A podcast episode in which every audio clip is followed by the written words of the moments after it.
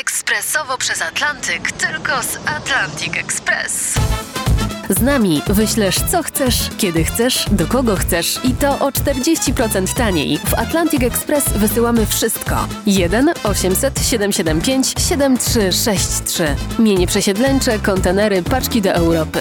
Atlantic Express o 40% niższe ceny na wysyłki kontenerów, samochodów i paczek. Ekspresowo przez Atlantyk, tylko z Atlantic Express.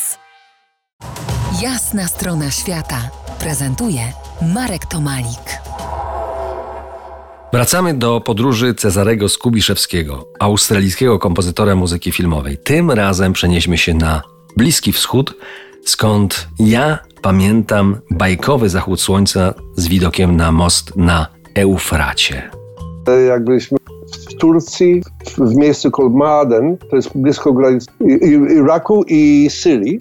I te wieczory, jak z, z żoną siedziałem na, na e, balkonie i patrzyliśmy na Mezopotamię i się widziało ludzi z, e, z wielbłądach i tam palili wielkie ogniska wieczory. Bo tam, nie mówię tylko takie rzeczy, tylko w Sienkiewiczach książkach czytałem. Jeszcze jeden dodam.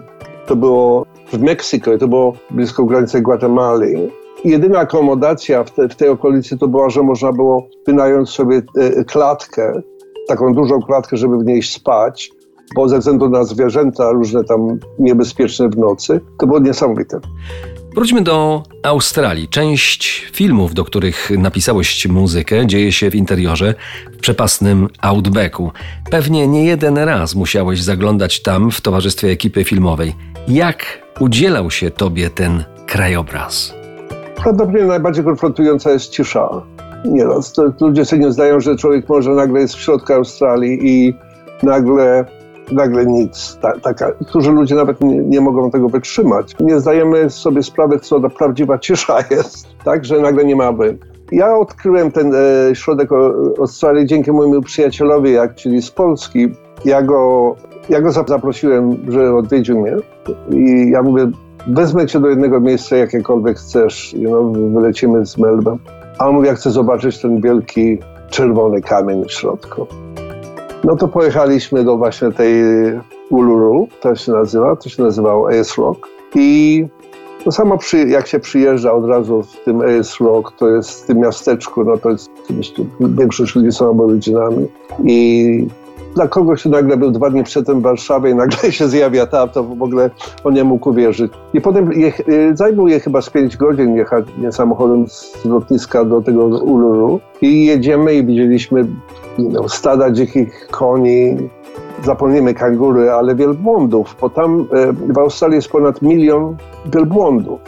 Ludzie nie wiedzą. To były tutaj sprowadzane y, z Afganistanu wielbłądy ze względu na to, że mogą wytrzymać te upały w długich podróżach, także nagle się rozmnożyły.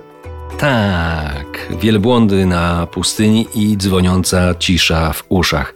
Rozmarzyłem się w swoich stamtąd wspomnieniach. Na kolejną część naszej rozmowy zapraszam za kilkanaście minut. To jest jasna strona świata w RMS Classic.